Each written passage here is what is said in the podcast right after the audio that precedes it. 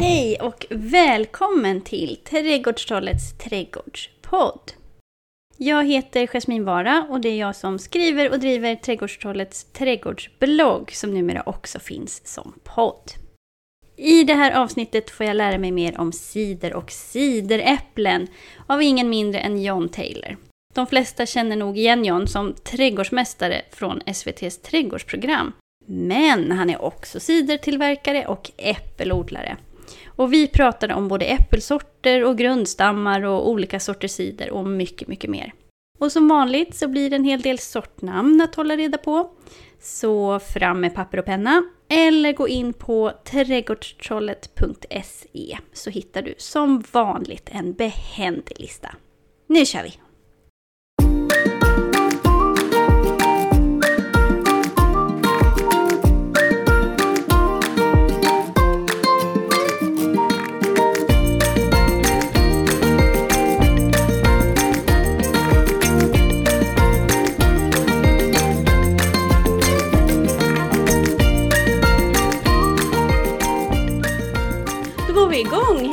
Välkommen till podden!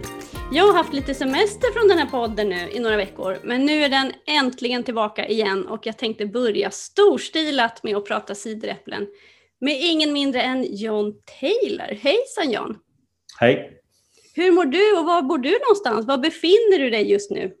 Um, jag mår bra. Jag har haft en mycket, mycket bra jobbdag ute på äppelodlingen uh, som är tre mil bort ifrån Malmö och just nu sitter jag i min lägenhet i centrala Malmö.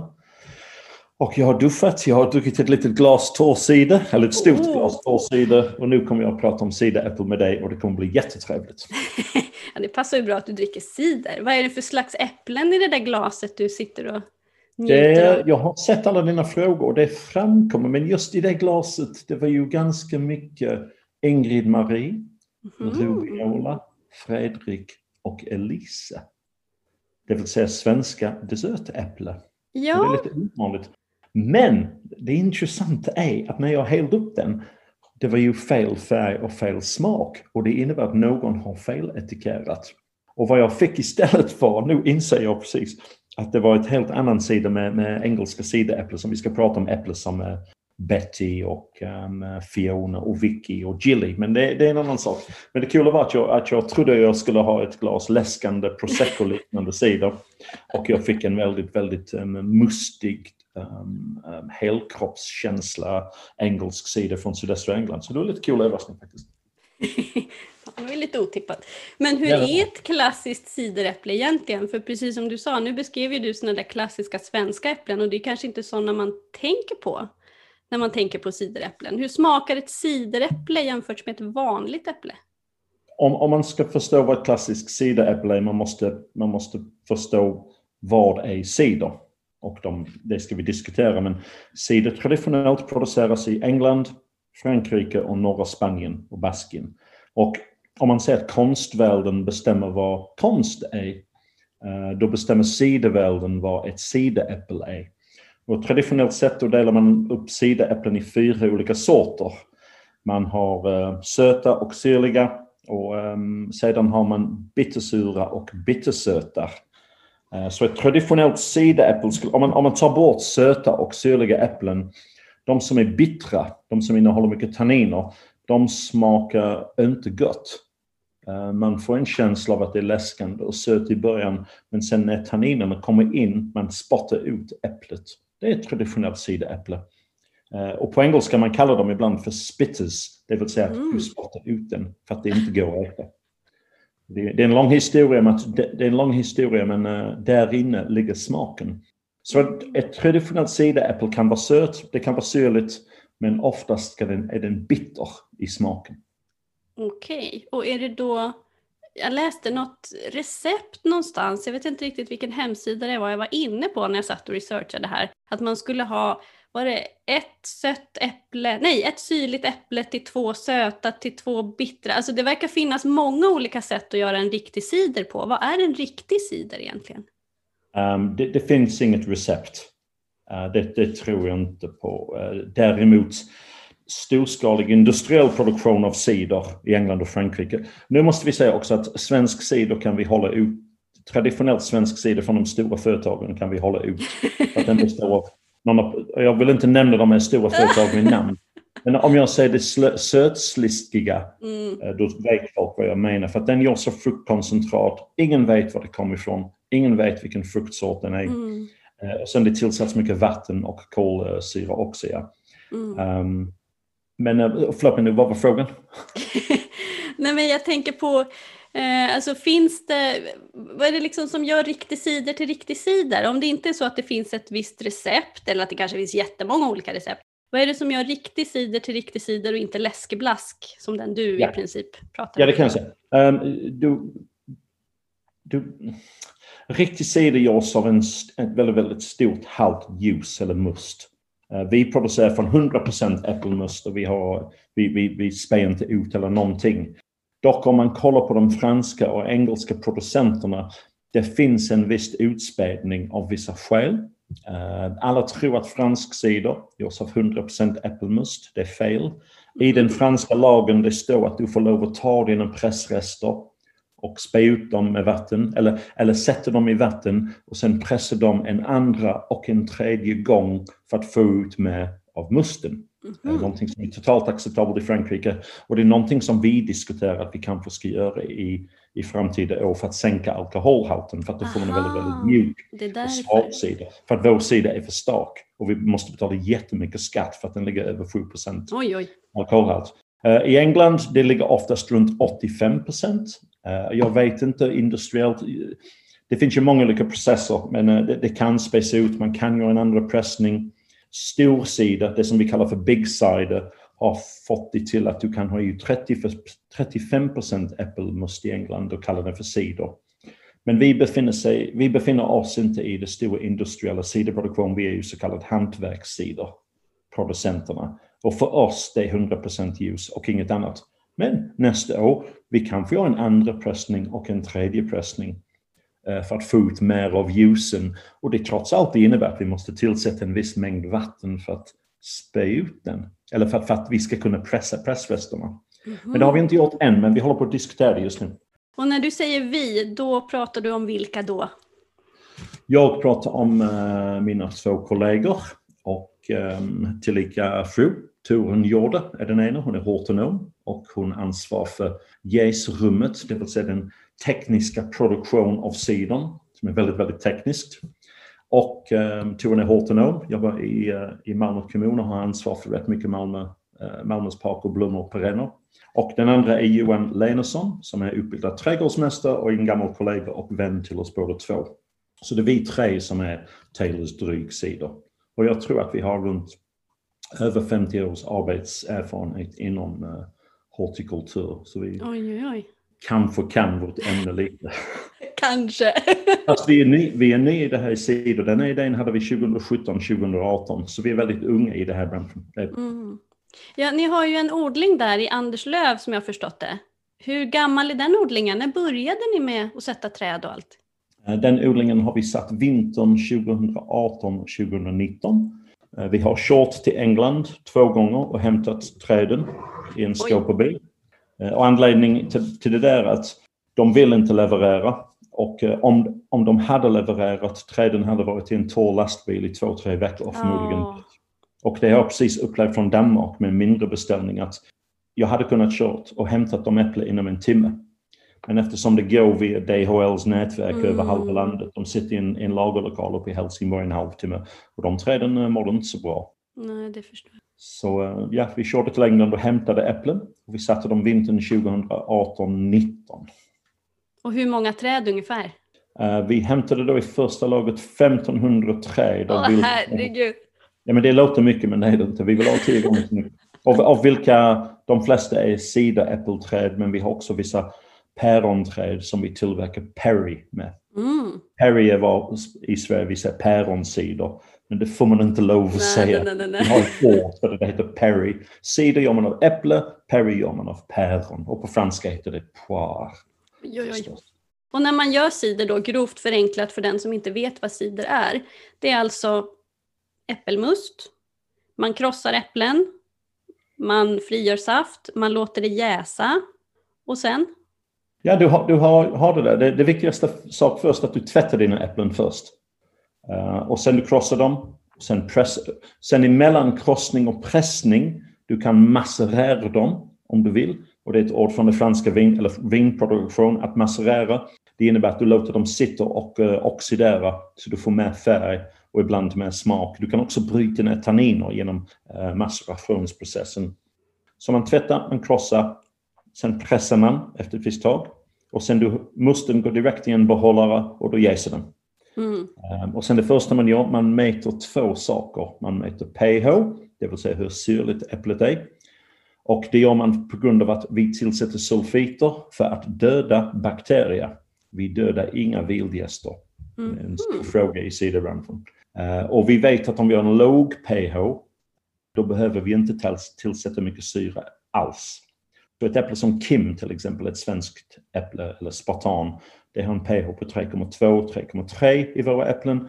Då behöver vi använda minsta möjliga mängd um, sulfit, som är ett naturligt förekommande ämne förstås.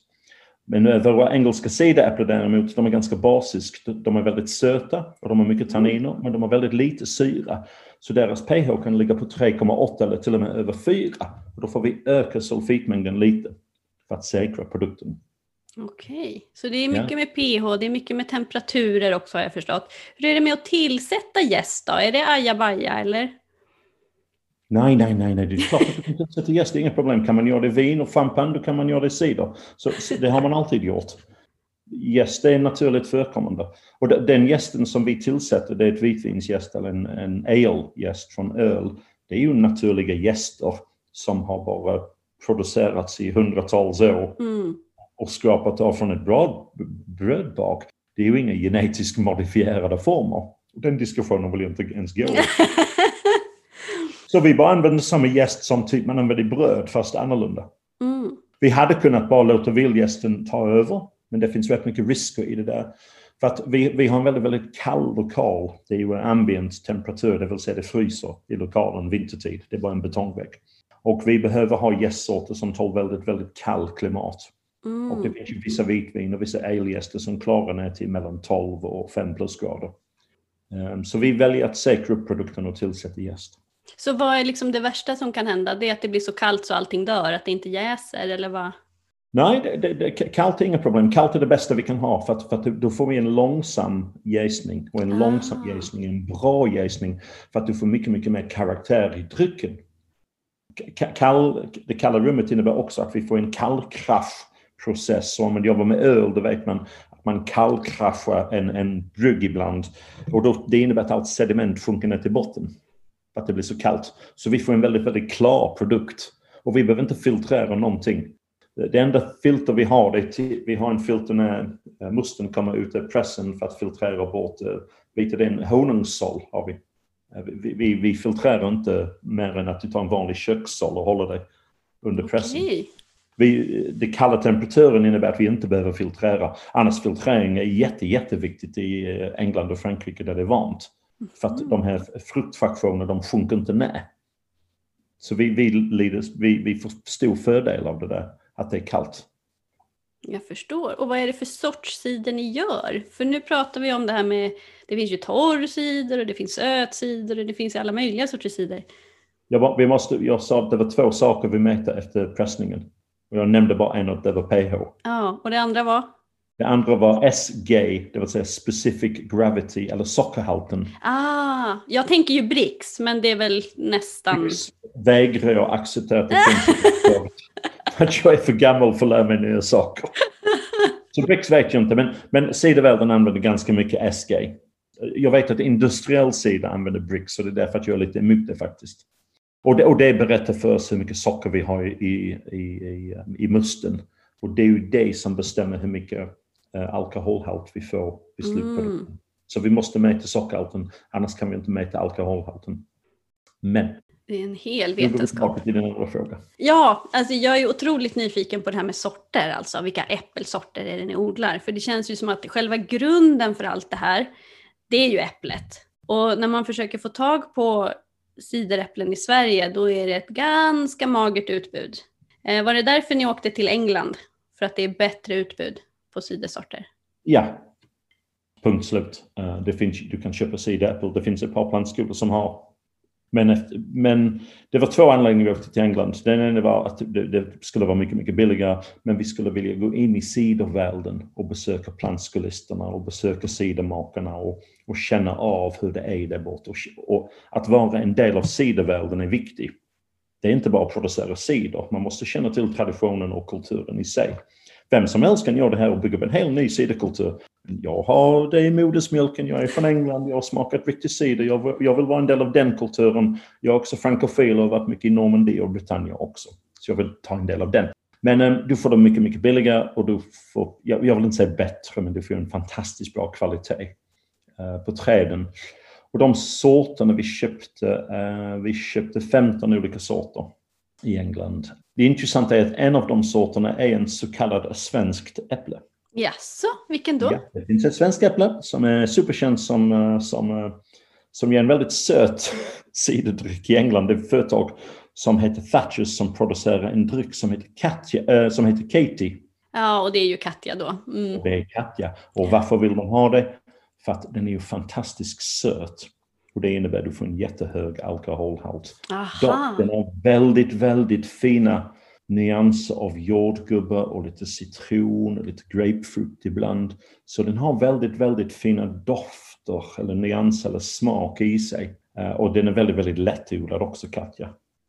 Uh, eller Katie, om man så vill. Vi måste bara påpeka att äpple har inte, växter har inte nationalitet. Katjas föräldrar var från England och Holland eller Tyskland, tror jag. Mm. Men vi kan kalla det för ett svenskt äpple. Ja, det... de, andra sort, de andra sorterna är, och vi har valt en blandning av gamla traditionella sorter som Yarlington Mill, uh, Harry Masters Jersey, Dabinet som är det mest klassiska sort man kan ha, de Wick, Eh, och sedan har vi valt ganska många av de nya moderna sorter som förädlades från ja, 1940-talet och framåt i England. Och de förädlades um, ehm, för pro bra produktion förstås, men också för resistens mot sjukdomar. Och de skulle blomma och kunna skördas lite tidigare. Uh, och det är jätteviktigt i Sverige för att alla sidenäpplena blommar sent, som innebär att vi slipper frostrisken för det mesta. Men, ehm, men, men man, man vill gärna skörda dem tidigt i Sverige för att de är gamla traditionella sorter. De är klara i november, december. Oj. Och även i Skåne om vi har en klimat som liknar England rätt mycket. Vi kan få frost i, eh, i november. Vi kan få en liten frost där som orsakar, eh, ja, inte är helt perfekt för processen. Så vi väljer tidiga moderna sorter och de sorterna de har oftast kvinnonamn som är någonting vi tycker är cool och beundransvärt. Och de är namngett efter kvinnorna som var med i eh, förädlingsprocessen som jobbade med forskningen. Jaha. Ja, det är superbra. Uh, så även om England är, man kan säga det som ett konservativt land, Äpplena i alla fall har fått namnen på kvinnorna som jobbade med forskningen. Och de heter uh, Gilly, um, Fiona, Amanda, Vicky, som är superbra äpple, och en av våra favoriter, vi har ju Fiona och vi har Betty och Betty tycker vi mycket om faktiskt. Vad är det som gör Vicky och Betty så bra? Du får ju mycket äpple. Uh, ja, det är alltid bra.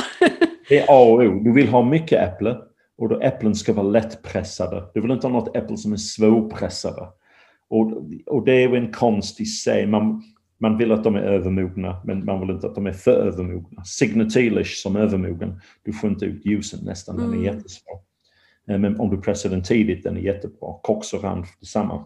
Men, men de har bra egenskaper. De, de har tanniner allihopa. Alla dessa äpplen är bittersura, det vill säga bitter sharps på engelska.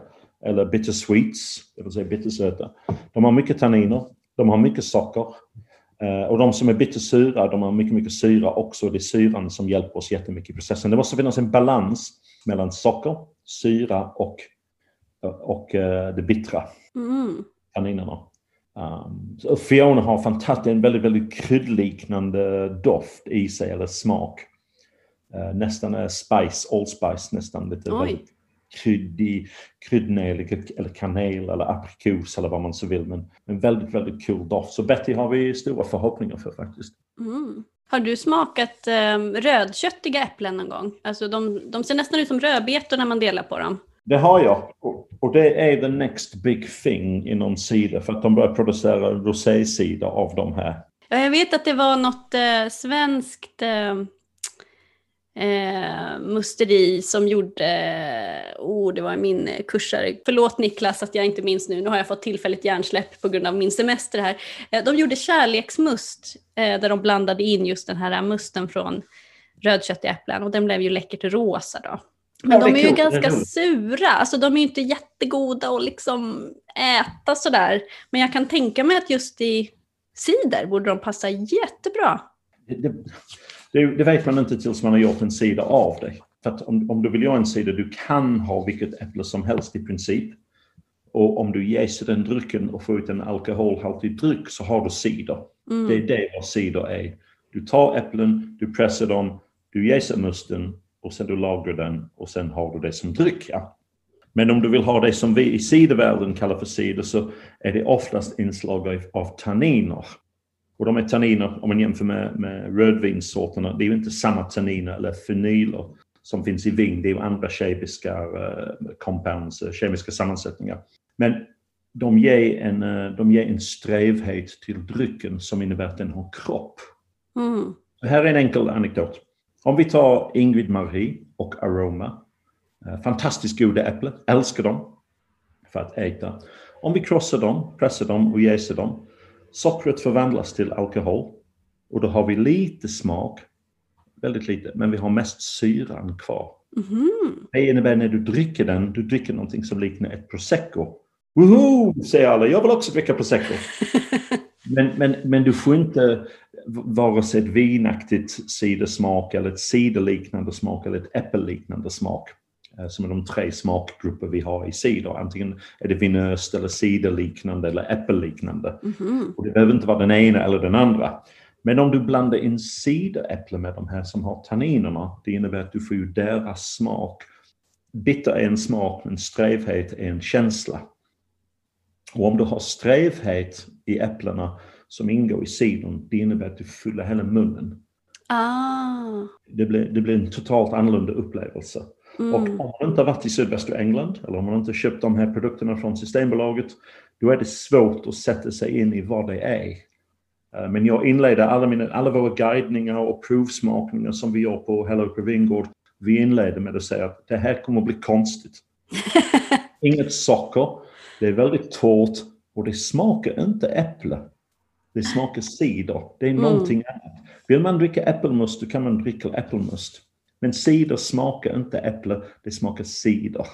Ja, alltså jag, ja men gud, alltså jag tänker på det här med smaker och var de liksom bor i munnen.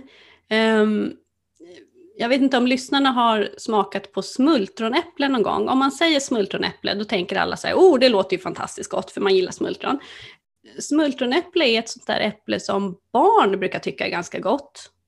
Eh, men som vuxna tycker det är ganska ointressant. Och på något sätt så är det väl för att alltså sött är en ganska kort och platt smak som sitter långt framme i munnen, eller liksom bor långt framme i munnen. Och det du beskriver är ju precis motsatsen, alltså det blir ju en symfoni.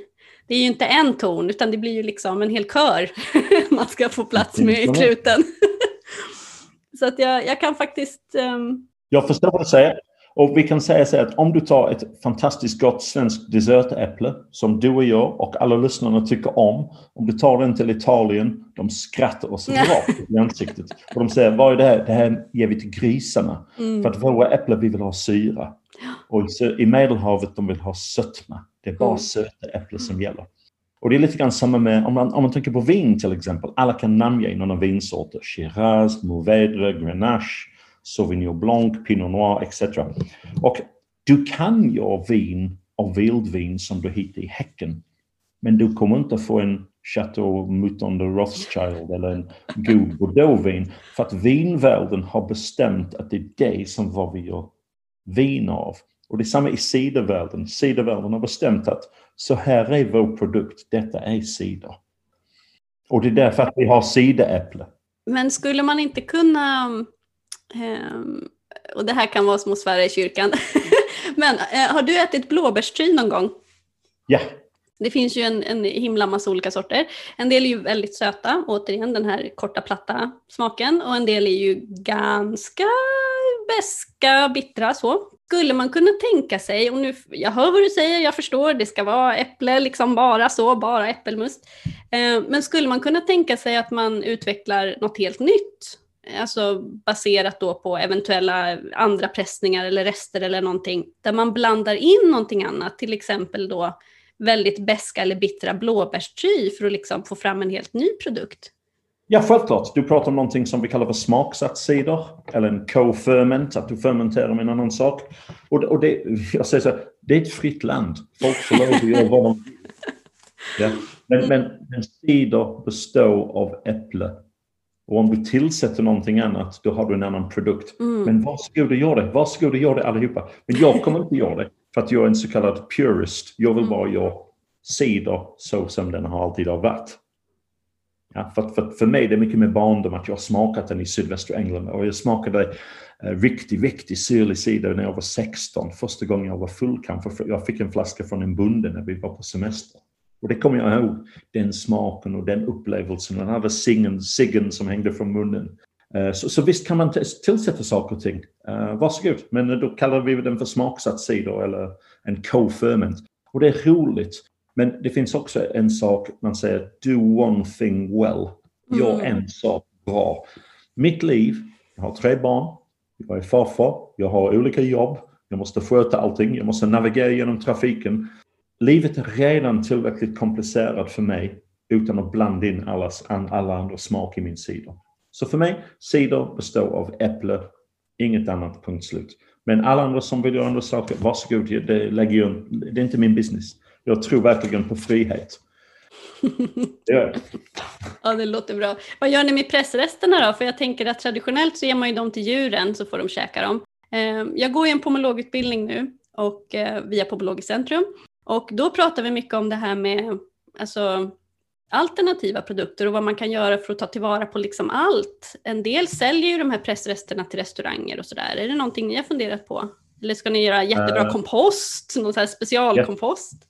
Ja, uh, vi har funderat på det. Uh, jag kan säga så att när vi har haft en pressdag och pressäsongen är från september till december. När vi slutar jobba det är oftast klockan sju, nio eller elva på natten. Oj! Uh, och vi är blöta. Mm. För att en sak när du jobbar med cider, du blir väldigt blöt för att rengöring är halva jobbet. Och vi är så pass trötta att, efter vi har pressat att uh, vår pressrester de ligger i en skopa som det lokala jaktlaget har lämnat utanför vår lokal. Det går till utfodring av uh, vildsvin och rådjur. Men lokala restauranger har kommit och tagit våra pressrester. Och det finns ju en halv ton en gång i veckan att ta. Mm. Uh, men det är rätt mycket pressrester och släpper bort. Du, du, måste ha en hel fabrik att hantera ja. det. Det blir en jädra massa müsli om man skulle... ja, eller knäck eller vad man vill. Men vi har ju eh, utegrisar i närheten av oss. Jag ska snacka med den eh, bonden snart och se om eh, de vill ta emot våra pressrester. Mm. För att jag känner för att deras grisar är utegrisar och de går till ett annat lokalt företag som heter Grönby Shark som producerar fantastiskt goda köttprodukter. Så jag hade gärna varit en del av en cirkulär ekonomi. Men annars, våra pressrester, vi lägger ut dem i våra rader och det blir till kompost i raderna. Så, så det är full, fullständigt godkänt tycker jag. Mm. De går inte till tippen kan jag säga. Nej, det låter bra i alla fall. Om inte annat för att det, känns, det känns ju som slöseri med näring om inte annat. Ja. Men vad är det för grundstam på de där träden egentligen? För det blir jag väldigt nyfiken på om de grundstammarna som liksom finns i England funkar i Sverige. Alltså nu Malmö är ju i södra Sverige men jag tänker ändå. Vi är en del av EU nu. Sverige är en del av Europa. Ja, och sen kom Brexit, säger jag bara. Jo, men de, när vi köpte de äppelträden som, så var England fortfarande en del av EU. Mm. Vilken timing. Jag har inte nationalitet. Men de här grundstammarna är totalt vanligt förekommande inom uh, svensk äppelproduktion. Mm. Vi har följande grundstammar. Och det viktigaste är den som jag ser först, det är MM111. Okej. Okay. Och det är den som vi uh, kommer satsa på med någonting annat. Vi har lite på MM116 på prov och MM116 är en, eh, en rengjord MM111. De har, de har cleaned, de har gjort rent av vissa problem. Och eh, det ser lovande ut MM116. Vi har alldeles för mycket på MM106 eh, som är huvuddelen av svensk äppelproduktionen finns på MM106. Men vi har väldigt mycket fukt under vintern och vi har väldigt torrt under sommaren. Vi är på moränlära. Så det innebär att vi är fuktigt vintertid och vi är torrt sommartid. Och eh, MM106 den, får, den, den lider för mycket av sork, den lider för mycket av fukt och den lider för mycket av Mm. tork. Så de, vi kommer att kämpa på med dem men vi kommer aldrig att köpa MM106 igen. Och de måste kräva jättemycket uppbindning. MM111 för sig själv efter 3-4 år. Vi provar lite på M7 som är svagväxande. Och vi har också satt lite grann på A2. eh, Mest upp på kanterna på odling för att de blir stora träd och det hjälper till med, med skydd från blåst. Men huvud, i huvudsak vi kör MM111. Det passar oss bäst där vi är. Hur pass svagväxande är den jämfört med en Antonovka? Ungefär? Uh, Antonovka förstås blir ett träd som är 12, 15, 20 meter hög. Eh, MM111 som vi odlar den kommer inte bli mer än 4-5 meter hög. Okej. Men det beror på hur vi beskär trädet. Men det, det, kallas, för- det kallas för semi-vigorous eller halv, halvvigör. Det, du får kanske 50, 60, 70 procent av, av en frögrundstam som Antonovka eller A2. Mm. För då är ju frågan, ska man beskära de här cideräpplena på något särskilt sätt? Eh, Det beror på vilket odlingssystem man har valt och vilken grundstam man har. Och då måste man känna till ehm, både äppelträd, man måste känna till beskärning och man måste känna till många olika beskärningssystem. Mm. Eh, Så till exempel om ni i huvudsak när människor tänker på ett träd, de tänker på ett pinne med en boll. Och vi har alltid sagt, och jag har sagt det på tvn och i böcker, att du ska ka- kunna kasta din hatt genom trädet och luften ska kunna gå in och allting. Men, men det gör man hemma i villaträdgården för att man vill både få äpple, man, men man, man vill att det ser vackert ut också.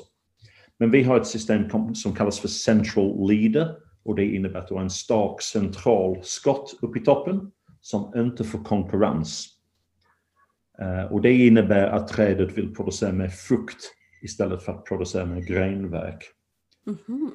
Det, det är ett väldigt komplicerat sak. Jag kan bara föreslå att folk läser lite böcker om det.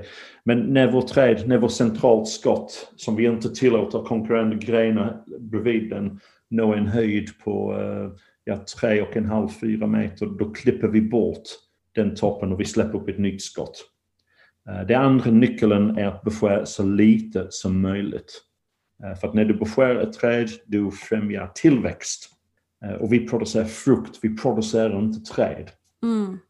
Så, så till sist vi kommer att häcka av träd som ger oss, eh, det kallas för en fruiting wall, en fruktmör. Vi odlar inte individuella träd på det viset som man kan få tro. Om man går in i en professionell och välskött äppelodling, man kan se de här häckarna. Och det, det görs över hela världen på, på samma sätt. Eh, För att du får ut med äpple.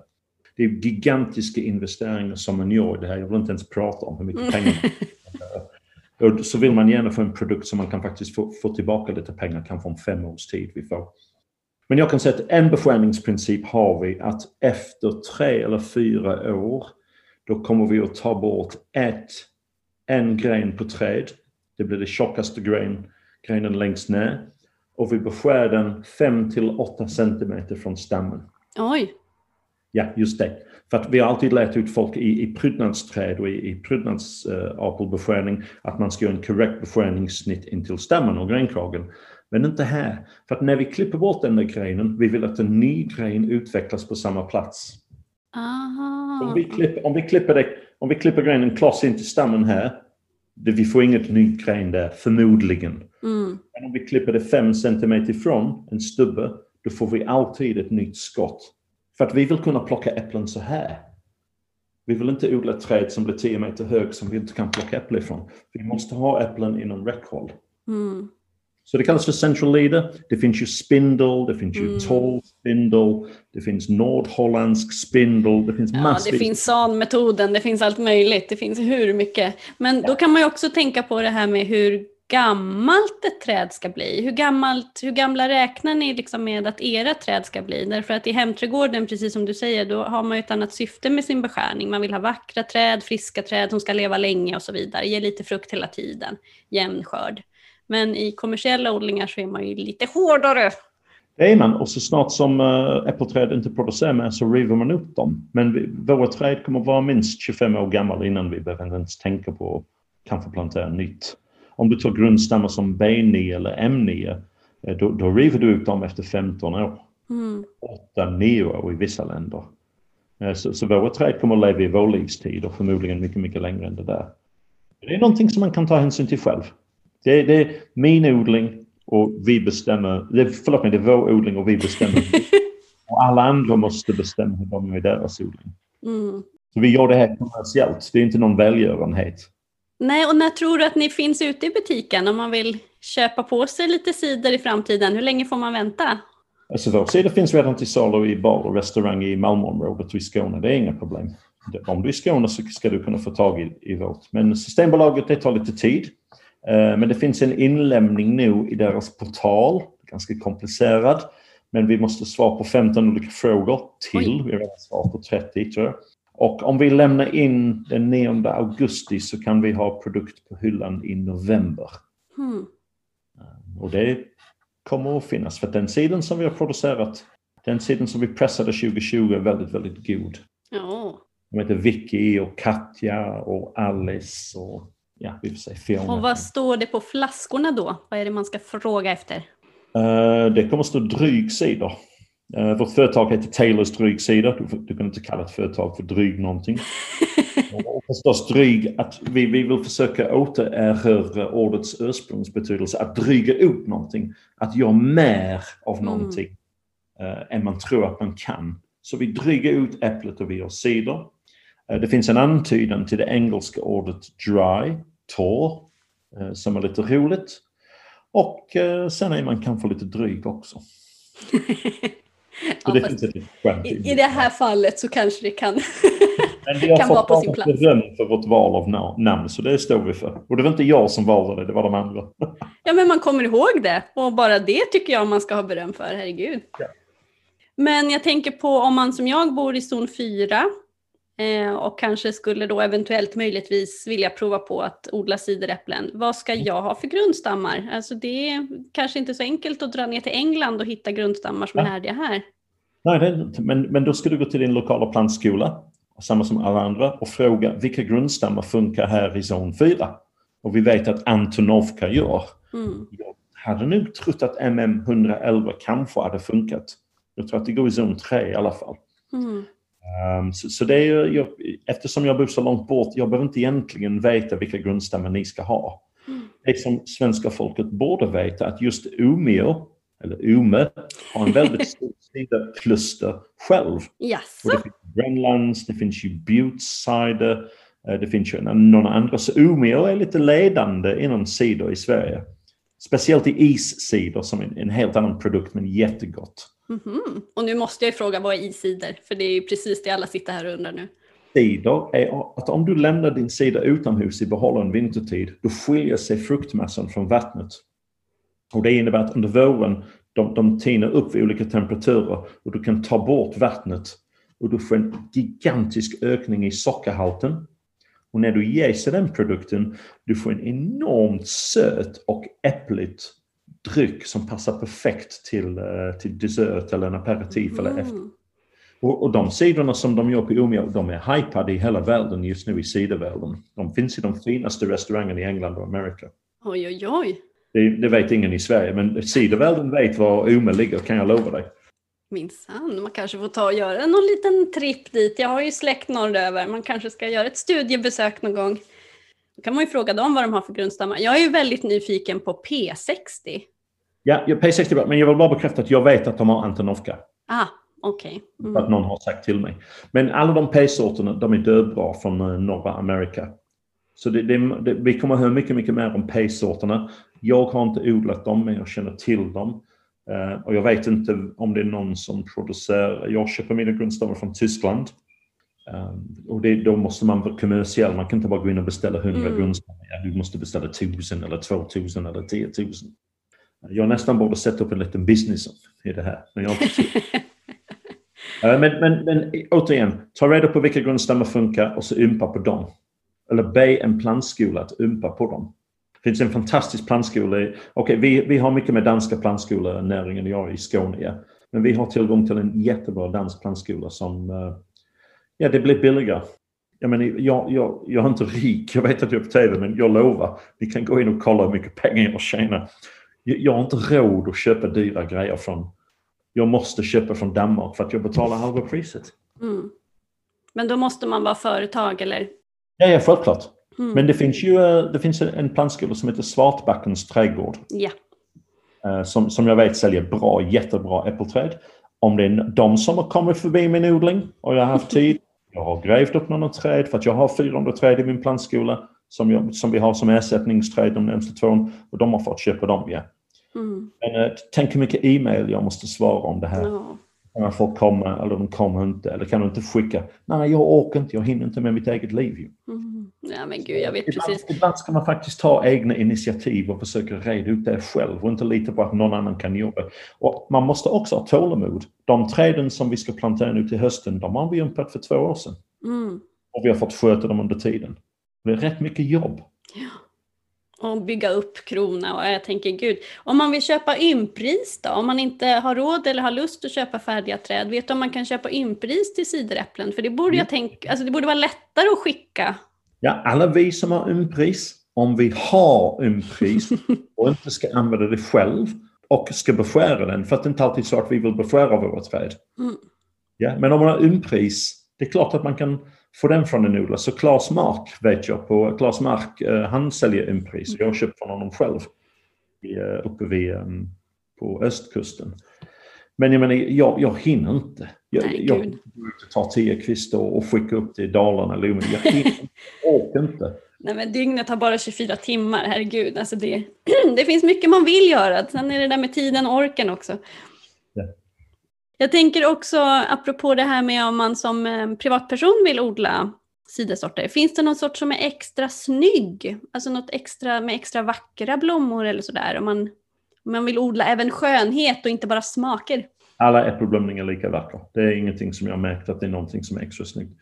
Om det är något, jag hade sagt Katja faktiskt, för att den är rätt så, det är väldigt tidigt.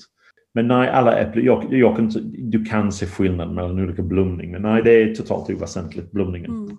Det tycker jag. Finns det något sånt där rookie mistake jag ska undvika då? Om jag ska anlägga min egen lilla cideräppelodling? Ehm, ja, att plantera för få träd. Mhm. Och vad är det då? Vad är för få? Det är ju svårt att svara på vad som är lagom, för det kan ju vara väldigt individuellt såklart. Men Alltså, om, om du är en liten odlare som vill pressa lite ljus i en sån här vanlig, vanlig press. Man måste förstå att man får ut kanske 50 eller 50 procent av eh, volymen i ljus. Så om, om du vill få ut 100 liter, då kanske du vill få ut, du behöver 200 kilo äpple. mm, Och, och visst, du kan få ut sidokaraktär genom några enstaka äppelträd och du kan få ha för, för hemmabruk. Men om du vill ha för mer än hemmabruk, du, du behöver några träd. Och du behöver syrliga träd, du behöver söta träd och du behöver bittra träd. Det är det viktiga. Du, du, du kan göra sidor med vilka äpplen som helst. Inga problem alls. Särskilt vildäpple oftast har lite bitterhet i sig. mm. Och vi, vi faktiskt håller på vi förädlar lite svensk sidaäpple från, bit, från bittra vildäpplen som, som vi har hittat ut på landet. Så det är ett litet försök som vi gör, men det, vi vet inte hur det blir för en fem års tid. Mm. Hur är det med prydnadsaplar då? Det är guld. Det Det är, är så? det bästa du kan ha. Ja, för att de är my- mycket, mycket tanninrika. Mm. Eh, och, det, och det är ju en liten trick som man har. Man tillsätter sina paradisäpplen. Man får inte ut mycket, men det är väldigt, väldigt hårda tanniner. Man kallar dem för hårda tanniner. Och de tar oftast två år att bryta ner. Och så tänk, så här, tänk att när man biter ett paradisäpple, den är väldigt, väldigt sträv. Mm. Ja, det går inte att äta. Du Nej, det är he- hela munnen skrynklar ihop Men sig. det- Alltså det, den som ger kropp i sidor, det är den strävheten. Det är extra mycket tanniner i dem. Och det finns ju speciellt en sort som heter John Downey som är särskilt bra för sidor. Men du får, du får ha den i, i flaskan i ja, mer än ett år för att det kan bli lite för hårda tanniner. hmm. Cider ändras jättemycket i flaskan. Eh, Så vår tiden den håller i flera år och den är oftast bättre efter två år. Kan den bli för gammal då? Alltså Ja, när det, blir... ja, men eh, det är väldigt sällan att man inte dricker upp sin egen det är så gott. Den den har en hållbarhet för ja, minst fyra, fem år. Vi vet inte, men Mm. vi precis. Så. Men det är inte så att det möglar eller något sånt där, att det liksom blir fel? Nej, det blir, till sist det blir lite intäktslöst. Tänk på som ett rödvin. Det bara Mm. förlorar sin karaktär. Och det kan bli oxiderad också som innebär att det kan... Ja, sy- syra är vår fiende efter flaskningsprocessen. Du försöker hålla ut syra. I början när du gör första jäsningen, syra är vår vän. Säger vi. Att du vill ha mycket syrasättning för att få igång processerna. Men efter den första jäsningen har slutat, som kanske efter ett eller två månader, då vill du hålla ut syra. Så vi pumpar in koldioxid på toppen. Okej.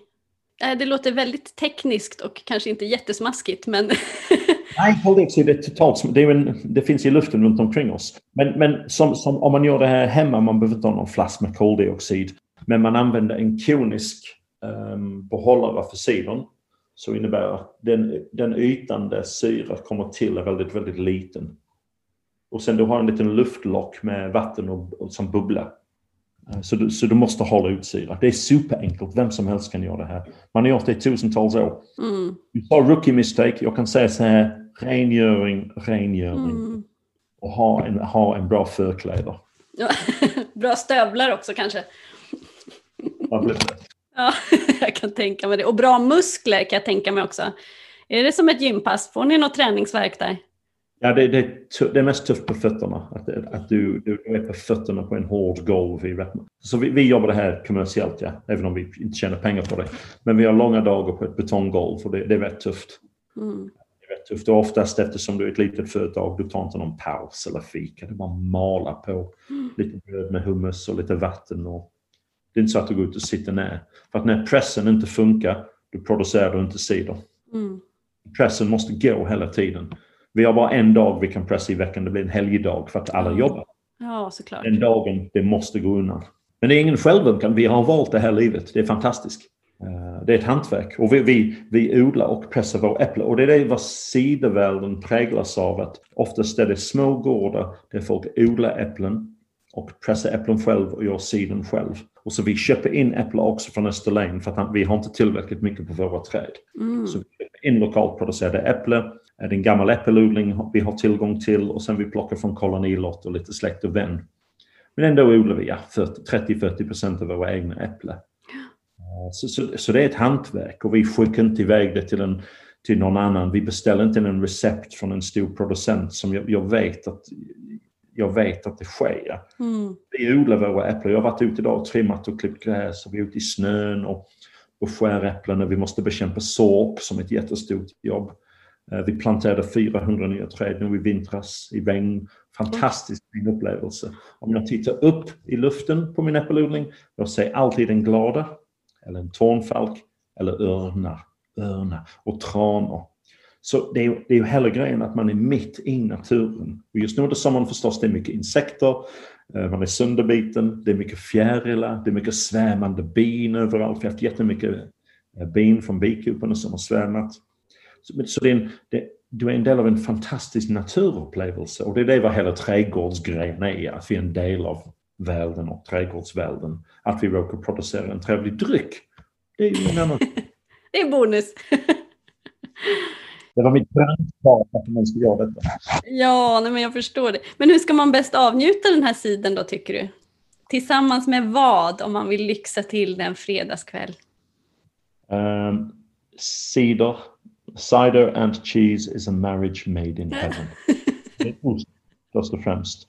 Cider och ost, det finns ingenting som slår den ju. För att du har ju den här syrligheten. Du kan ha sötman om du gör en söt cider som vi inte gör. Eh, men cider passar förstås jättebra till fisk också igen för att du har syra. Eh, cider kan man jämföra ganska ofta till vit naturvin eller vitvin överlag. Den har ju ganska mycket av liknande egenskaper. Um, vegetarisk, asiatisk, mm. alla fiskresor, uh, ost. Eller du kan också um, ta det själv förstås. Det är gott nog själv.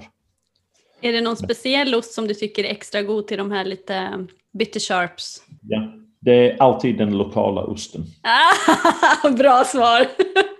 Ja, men det är det. Och man säger oftast i, i vinvärlden att du ska, om du ska ha en viss maträtt, du ska välja vinet från det området. Mm.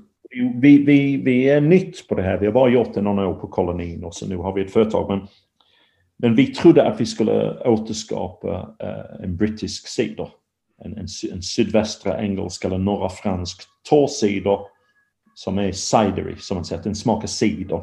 Det kan vara lite stall i den. Uh, det, kan, det kan vara lite off-smak ibland, men det får inte lov att vara vinägeraktigt eller någonting. Då är det ett direkt fel enligt de som bestämmer. Så det är inget sånt uh, men, men det blev inte så, för att de äpplen som vi köpte från England, de är annorlunda där vi odlar dem. Vi har en annorlunda jord, vi har en mm. annorlunda ljus, vi har annorlunda regn, vi sköter dem på ett annat sätt. Och det innebär att vi egentligen håller på att bygga upp en, en ny stil. Det blir en offshoot, det blir någonting som kommer av eh, den engelska cidervärlden. Men, men det blir inte direkt samma, det kommer liknande, men det blir lite annorlunda. Och vi tror att det är syran, att vi får med syra. Vi tror att vi har väldigt syrliga äpplen. Och även de bittersöta äpplen, att de kanske blir lite mer mindre söt och kanske lite syra än, än vi har tänkt. Och man har hört det från folk som odlar upp i Skottland och norra England. Som är lika udda eh, till de i sydvästra England än oss i Sverige. För att de tror att det är bara de som odlar. Fransmännen tror att det var de som gör cider. Eh, man tror att det var vi som gör det. Men jo, det finns ju folk i Skottland och Wales och Irland som gör cider också. Men det som vi har förstått är att ju längre norrut du går, desto surare blir äpplen. Hmm. Intressant. Ja, jätte. Jag tänker på det här med vin, är allt det här med terroir och grejer man pratar om. Men det är dags att man börjar uppvärdera även ja. andra drycker. Ja, så vi gör skånsk cider. Vi odlar våra äpplen i Skåne, de produceras i Skåne. Det är skånsk cider. Mm. Det är vad vi har. Och vi hoppas att det är gött när folk smakar dem. det tror jag nog. Jag, jag, tror att man får anstränga sig för att, för att det inte ska bli gott med all den kunskapen som ni har. Eh, nu har vi pratat cider i nästan en timme. Och eh, jag tänkte bara fråga avslutningsvis, har du några tips på inspirerande böcker eller hemsidor eller föreningar eller sådär som du själv har blivit inspirerad av när ni skulle starta er odling? Um, ja, det finns en man från Kanada som heter Claude Jolicoeur. Han har skrivit uh, kanske den bästa boken om hur man producerar cider. Mm um, och sen förstås nu för tiden, det är rätt mycket som är på Instagram. Mm. Um, och den stora ciderproducenten i England som rätt många av oss som följer det, han heter Tom Oliver. Uh, det finns ju också förstås, uh, självklart, det finns ju många kvinnor i branschen och det finns ju en som är kanske min stora hjälte och det är Susanna Forbes. Mm little Pomona.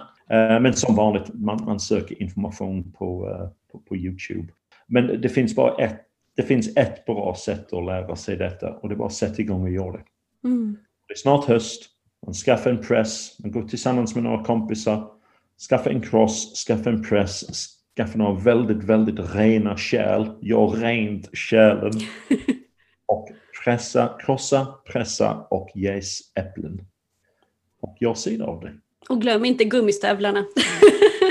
det, det går inte. Vi har arbetsskor kallas Vi har ett par tunga lufter. Om vi tappar saker och ting då hade det rivit av foten. Och jäklar. Ja, stålhätta är bra. Ja, det måste vi följa lag och ordning och det, och det gör vi såklart gällande arbetsmiljön och skatt och allt det där. Det är rätt mycket med skatt. Jag kan tänka mig att det är mycket det här, alltså när man pratar om utmaningar i, i vissa branscher. Jag kan tänka mig att det är inte så mycket odlingsutmaning kanske för er, utan jag kan tänka mig att det är mycket mer med regler och Systembolaget och att det är massa liksom... Eller är det en fördom från min sida? Nej, du, du har rätt. Men man kan inte gå in på det här med massa självömkan och tycka det är synd om oss för att vi måste betala högre skatter.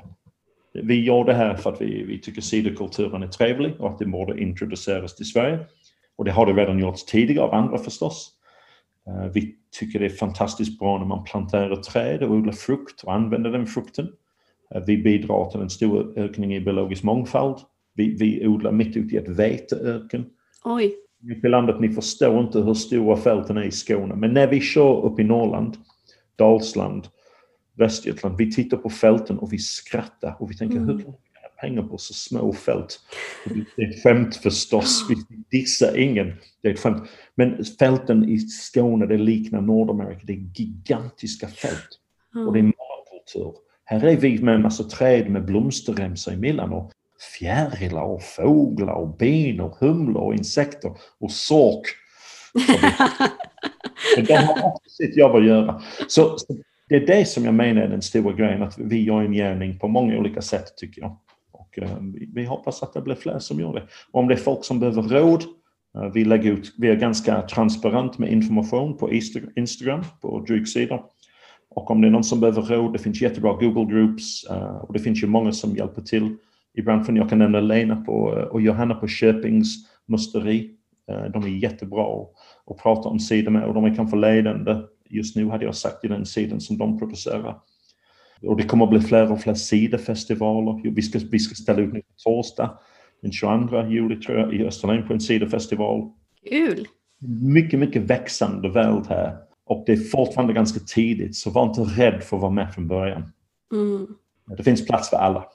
Tack snälla du för att du ville vara med. och prata cider. Om du bara visste vad jag har sett fram emot det här. Det är ett så himla intressant ämne och även om det finns mycket information så kan det många gånger vara svårt att liksom sila den eller liksom veta vilken information som, som väger lite tyngre än någon annan. Och där tycker jag att du har benat ut många av mina frågetecken. Så det, det tackar jag dig varmt för. Tack för att jag fick vara med. Jättekul och hoppas det tycker dina lyssnare att det är trevligt. Det tror jag nog. Och så hoppas jag att jag ska lyckas få tag på lite av din goda sidor där när jag hälsar på min syster nere i Malmö någon gång. Ja. Det ser jag fram emot. Tack, Tack snälla för att du var med. Hej då! Tack. Hej då alla lyssnare. Trevligt att vara med. Ses nästa gång.